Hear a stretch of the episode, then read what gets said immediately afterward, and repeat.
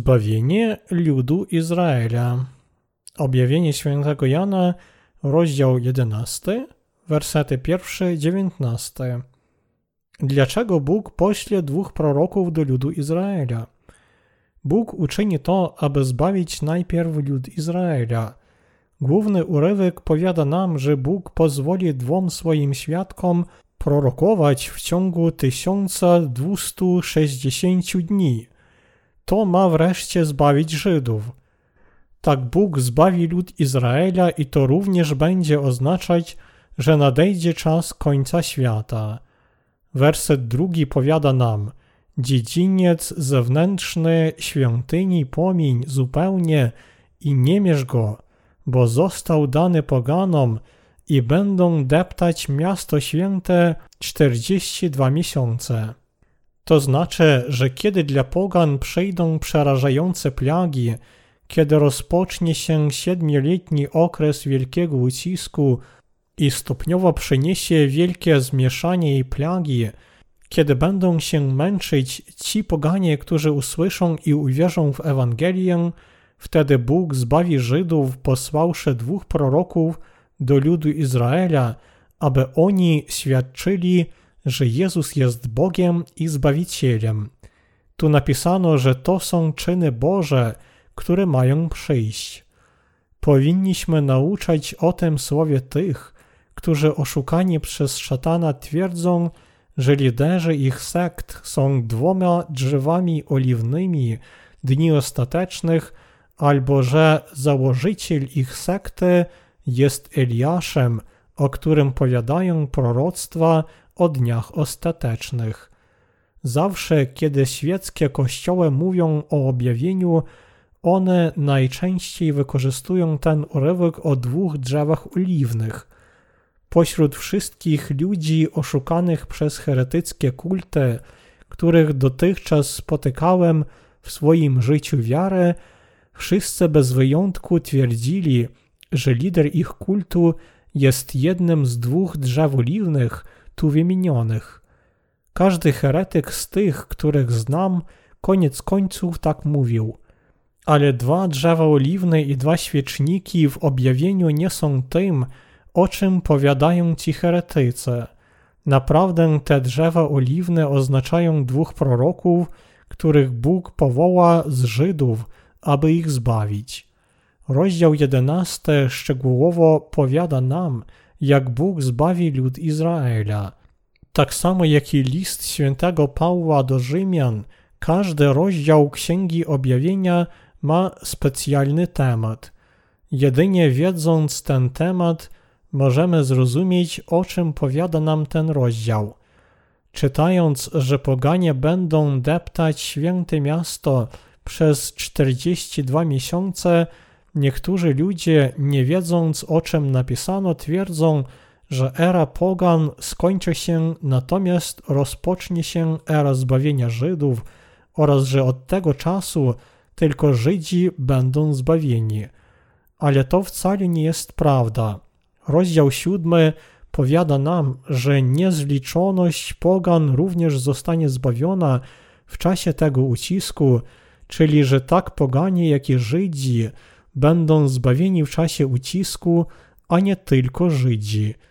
Naprawdę rozdział 11 powiada nam, że Bóg pośle dwóch proroków, aby zbawić lud Izraela przy końcu świata, lecz to nie oznacza, że poganie już nie potrafią zostać zbawieni. Niektórzy wciąż zapytują o odpowiedzi. Czyż 144 tysiące Żydów już nie było zbawiono, jak rozdział 7 powiada nam, że to była liczba Żydów, którzy otrzymali pieczęć Boga? Otrzymać pieczęć właśnie nie oznacza być zbawionym. Nikt nie może dostąpić zbawienia bez Jezusa Chrystusa.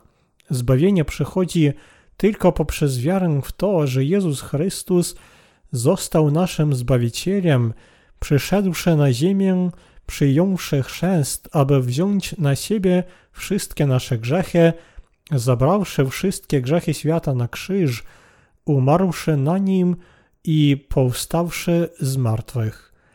Wiemy, że my możemy nie grzeszyć do śmierci, lecz zostaliśmy zbawieni poprzez wiarę w to, że Jezus Chrystus całkiem zabrał wszystkie nasze grzechy i w taki sposób został naszym Zbawicielem. Kiedy 144 tysiące Żydów otrzyma pieczęcie, Bóg również pośle dwóch swoich proroków i przez nich będzie głosić swoją Ewangelię tym Żydom. Innymi słowy, Słowo powiada nam, że dwóch proroków będzie głosiło Ewangelię Żydom oraz że 144 tysiące z nich będzie zbawiono. Biblia nigdy nie jest uprzedzona lub dyskryminująca. Nikt nie może dostąpić zbawienia bez Jezusa Chrystusa. Bóg nie powiada nam, że nie biorąc pod uwagę Jezusa Chrystusa, wy jesteście zbawieni, a wy nie jesteście zbawieni. Dwóch proroków, czyli dwa drzewa oliwne, wymienione w powyższym urywku, będzie zabitych na miejscu zwanym Golgota. Ich trupy nie będą pochowane, a ci, którzy nie wierzą i nie przyjmują Jezusa, będą się cieszyć z ich śmierci i posyłać sobie podarunki. Ale wersety 11 i 12 powiadają nam, a po trzech i pół dniach duch życia z Boga w nich wstąpił i stanęli na nogi, a wielki strach padł na tych, co ich oglądali. Posłyszeli oni donośny głos z nieba do nich mówiący: Wstąpcie tutaj. I w obłoku wstąpili do nieba, a ich wrogowie ich zobaczyli. To prostolinijnie powiada nam, że my, czyli my z wami, poganie, również będziemy się męczyć w wierze, kiedy nadejdzie czas, oraz że wkrótce po naszym męczeństwie przyjdzie zmartwychwstanie i pochwycenie. Ten temat nadal pokazuje się w całej Księdze Objawienia. Są również fragmenty, które powiadają nam, że kiedy na tę ziemię wyliją się plagi siedmiu czasz, pochwyceni święci będą wielbić Boga w powietrzu.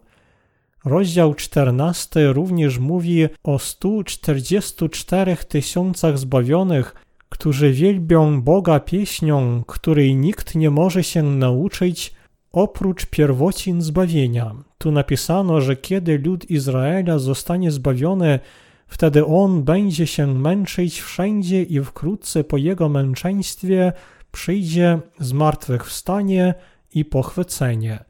To również dotyczy pogan. Przy końcu świata my znajdziemy się w środku wielu cierpień, plag siedmiu trąb, a jednak Bóg ochroni nas od tych plag. Kiedy siedmioletni wielki ucisk dotrze do swego szczytu, czyli po pierwszych trzech z połową latach, prześladowanie świętych również będzie największe. Ale to wielkie prześladowanie długo nie potrwa. Wielu świętych i sług Bożych wkrótce będzie zmęczono i niebawem po męczeństwie przyjdzie ich pochwycenie. Dlaczego? Ponieważ objawienie niejednokrotnie powiada nam, że do czasu, kiedy plagi siedmiu czasz wyleją się na tę ziemię, święci już będą przebywać w powietrzu i wielbić Boga. Słowo powiada nam, że to będzie cud. Objawienie świętego Jana, rozdział 10, werset 7 powiada nam, ale w dniach głosu siódmego anioła gdy będzie miał trąbić, misterium Boga się dokona, tak jak podał on dobrą nowinę sługom swym prorokom. To oznacza nic innego jak pochwycenie, tajemnicę zatajoną przez Boga. W pierwszym liście Pawła do Tesaloniczan, rozdział 4, werset 16, apostoł Paweł również powiada nam – sam bowiem Pan zstąpi z nieba na hasło i na głos Archanioła i na dźwięk trąby Bożej, a zmarli w Chrystusie powstaną pierwsi. Ale to, że Pan zstąpi z nieba nie oznacza, że On od razu przejdzie na ziemię. On będzie w powietrzu i wtedy w czasie pierwszego zmartwychwstania, które wzbudzi śpiących i przemieni narodzonych ponownie, od razu nastąpi pochwycenie, kiedy święci spotkają Pana w powietrzu. Po wieczerzy weselnej baranka w powietrzu i dokonaniu zniszczenia tego świata przez przelanie na tę ziemię reszty plag siedmiu czasz, Pan stąpi wraz z nami na odnowioną ziemię i pojawi się przed tymi, którzy jeszcze będą żyć. Interpretować słowo objawienia i Biblię według własnych osobistych myśli oznacza zaokrętować się na drodze do rujnowania. Po prostu błędnie jest wierzyć w hipotezy stawiane przez pełnych teologów i popierać je bez należnego zrozumienia słowa. Pośród teologów bardzo dobrze poważanych i sławnych w konserwatywnych społecznościach chrześcijańskich niektórzy uczeni tacy jak L. Berghoff i Abraham Kuyper opowiadali się za amilenaryzmem. Spośród teorii pochwycenia przed wielkim uciskiem, pochwycenia po wielkim ucisku i amilenaryzmu wierzyć w tę ostatnią doktrynę amilenaryzmu oznacza wcale nie wierzyć w Biblię. Już przeminął ten czas, kiedy ludzie wierzyli w teorię pochwycenia po wielkim ucisku i dzisiaj praktycznie każdy wierzy w teorię pochwycenia przed wielkim uciskiem. Ale ta teoria również nie odpowiada Biblii.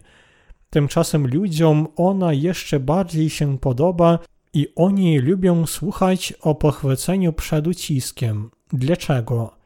Ponieważ według tej teorii pochwycenia przed wielkim uciskiem chrześcijanie nie mają czym się martwić względem siedmiu lat wielkiego ucisku. Dlatego właśnie wierzący uważają za dopuszczalne żyć z wiarą, która nie jest ani gorąca, ani zimna, a kościoły troszczą się tylko o zwiększenie liczby swoich zwolenników. Dlatego wiara ludzi jest słaba. Oni myślą, że nie potrzebują martwić się o wielki ucisk, dlatego ich wiara zostaje różowa i rozluźniona, podczas gdy naprawdę powinna się wzmacniać w tym czasie zbliżenia się dni ostatecznych. Ludzie kiedyś wierzyli w amilenaryzm, a potem przez pewien czas wierzyli w teorię pochwycenia po wielkim ucisku, a teraz wierzą w teorię pochwycenia przed wielkim uciskiem. W latach 1830 wielebny Scofield, profesor Moody Bible Institute, zaczął pisać swoją Biblię z przypisami. Scofield był pod wielkim wpływem sławnego na całym świecie teologa imieniem Darby. Darby, duchowy mentor Scofielda, który kiedyś był kapłanem katolickim, był nadzwyczajnie inteligentnym i rozumnym człowiekiem. On opuścił Kościół katolicki, zrozumiawszy jego pomyłki, wstąpił do małej organizacji chrześcijańskiej i został jej liderem. Darby ciągle czytał i studiował Biblię, lecz nie mógł się dowiedzieć z objawienia, czy pochwycenie zdarzy się przed wielkim uciskiem, czy po nim. Więc on wyjechał w podróż w poszukiwaniu bardziej wyraźnych dowodów w tej sprawie. W czasie tej podróży on spotkał pewną nastolatkę, liderkę pneumatologii. Ta dziewczyna twierdziła, że miała widzenie, że pochwycenie zdarzy się przed wielkim uciskiem. Uwierzywszy w to, co powiedziała i przekonany o tym, że pochwycenie przyjdzie przed uciskiem, Darby zakończył swoje biblijne studia teorią pochwycenia przed wielkim uciskiem. Ale w ten czas ludzie przeważnie wierzyli w teorię pochwycenia po wielkim ucisku. Dlatego teoria Darby o pochwyceniu przed wielkim uciskiem nie była dobrze przyjęta. Darby twierdził, że w Księdze Objawienia napisano jedynie o zbawieniu ludu Izraela oraz że ona nie dotyczy zbawienia pogan. A słowa trzeba ci znów prorokować, rozdział 10, werset 11, on interpretował jak głoszenie nie Ewangelii wody i ducha, lecz Ewangelii Królestwa, która głosi Jego zbliżające się przyjście. Scofield, który całkiem przyjął tę hipotezę Darby i włączył teorię pochwycenia przed wielkim uciskiem w swoją Biblię z przepisami, stworzył własną hipotezę o siedmiu erach. Te twierdzenia Scofielda zaspokajały zapotrzebowania tego czasu i dość dobrze odpowiadały warunkom współczesnym, wywoławszy wielkie poruszenie pośród wierzących po całym świecie i zostawszy szeroko zaakceptowane. Ale cóż Bóg mówi w Biblii? W Piśmie Świętym widzimy Jezusa, który bierze i otwiera zwój, zapieczętowany na siedem pieczęci przed tronem Boga, który podzielił historię na swoje siedem er przez siedem pieczęci. Era pierwsza to era konia białego.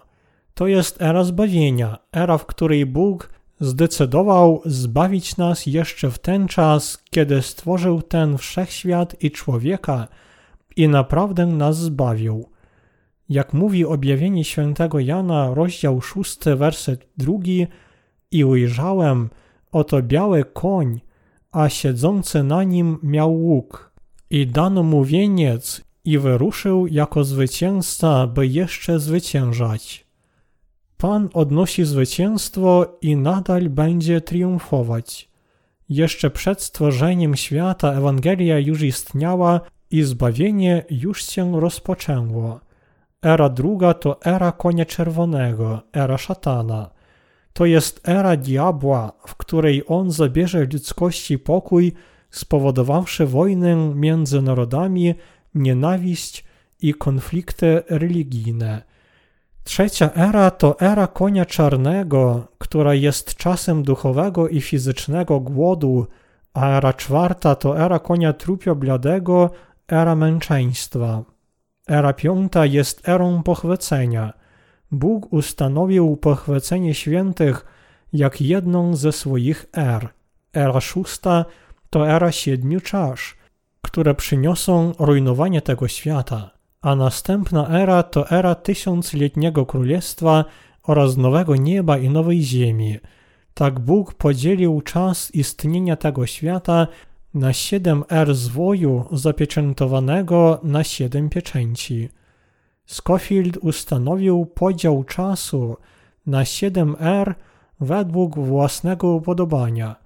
W przeciwieństwie do tego, Siedem R siedmiu pieczęci zwoju w ręce Bożej, o którym powiada proroctwo objawienie świętego Jana, rozdział szósty, było ustanowiono przez samego Boga.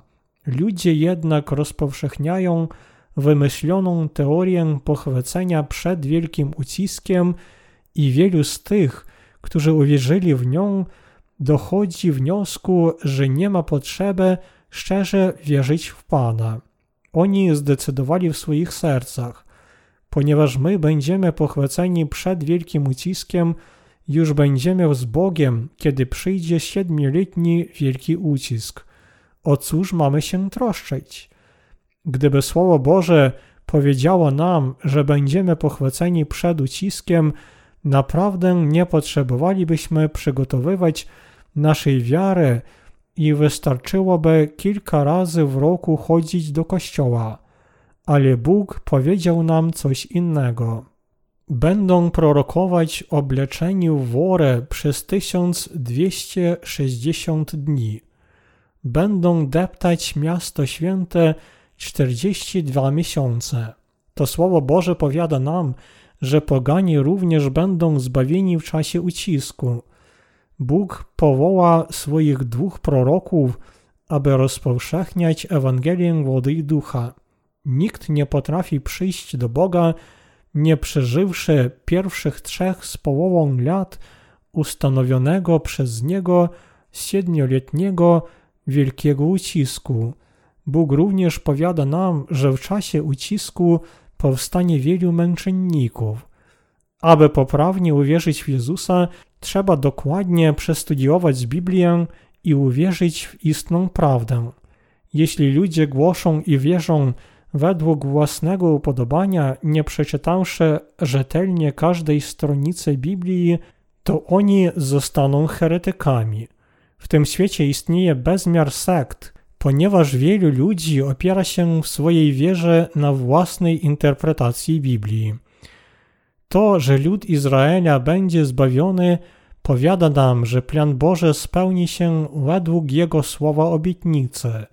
To również oznacza, że Bóg nigdy nie złamie danego nam swego słowa obietnicy, lecz całkiem je spełni. To dlatego mamy tak wielką nadzieję. Dwaj prorocy Izraela będą wskrzeszeni z martwych trzy i pół dni po ich śmierci i zostaną pochwyceni. Oto jest pochwycenie. Właśnie tak męczennicy wielkiego ucisku będą pochwyceni. To jest prekursor naszego własnego pochwycenia. Biblia powiada nam, że po dźwiękach siódmej trąby ta ziemia zostanie królestwem Chrystusa i On będzie królować nad nią zawsze. Wraz z Nim będą królować również ci, którzy uwierzyli w Jezusa Chrystusa. Bóg całkiem zniszczy tę ziemię po pochwyceniu świętych. Nie wiemy, czy wszystko będzie zrujnowane na 100%, ponieważ ten szczegół nie został zapisany w Biblii. Lecz Bóg mówi w objawieniu świętego Jana, rozdział 11, werset 18 i rozgniewały się narody, a nadszedł Twój gniew i pora na umarłych, aby zostali osądzeni i aby dać zapłatę sługom Twym prorokom i świętym i tym, co się boją Twojego imienia, małym i wielkim, i aby zniszczyć tych, którzy niszczą ziemię. Pochwycenie koniecznie się zdarzy, skoro tylko nastąpi szczyt wielkiego ucisku po trzech z połową latach. Nie dokładnie po pierwszych trzech z połową latach, lecz trochę później. Połowa siedmioletniego okresu to kiedy ucisk dotrze swego szczytu. To stanie się wtedy, kiedy będą męczeni święci z ludu Izraela i wkrótce przyjdzie pochwycenie. Kiedy stanie się pochwycenie, my wszyscy razem usiądziemy do wieczerzy weselnej baranka w powietrzu. W czasie naszej wspólnej wieczerzy weselnej baranka w powietrzu, o której powiada nam Ewangelia świętego Mateusza, rozdział 25, plagi siedmiu czasz przyjdą na tę ziemię.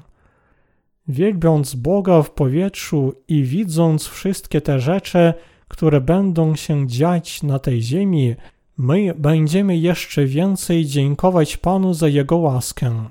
Mam nadzieję i modlę się o to, abyście przez słowo objawienia potrafili rozpoznać czas, kiedy przyjdą dni ostateczne, w odpowiedni sposób uwierzyli w słowo, przeżyli życie z wiarą i przygotowali się do przyszłości. Aby oddawać cześć, chwalić i wielbić Pana, biorąc udział w weselnej wieczerze baranka, powinniście przygotowywać swoją wiarę. Mam nadzieję, że słowo objawienia zostanie dla Was wielkim przewodnikiem w dniach, które mają nastąpić, przypominając Waszym sercom, że powinniście naprawdę pilnie żyć z wiarą w Ewangelię wody i ducha.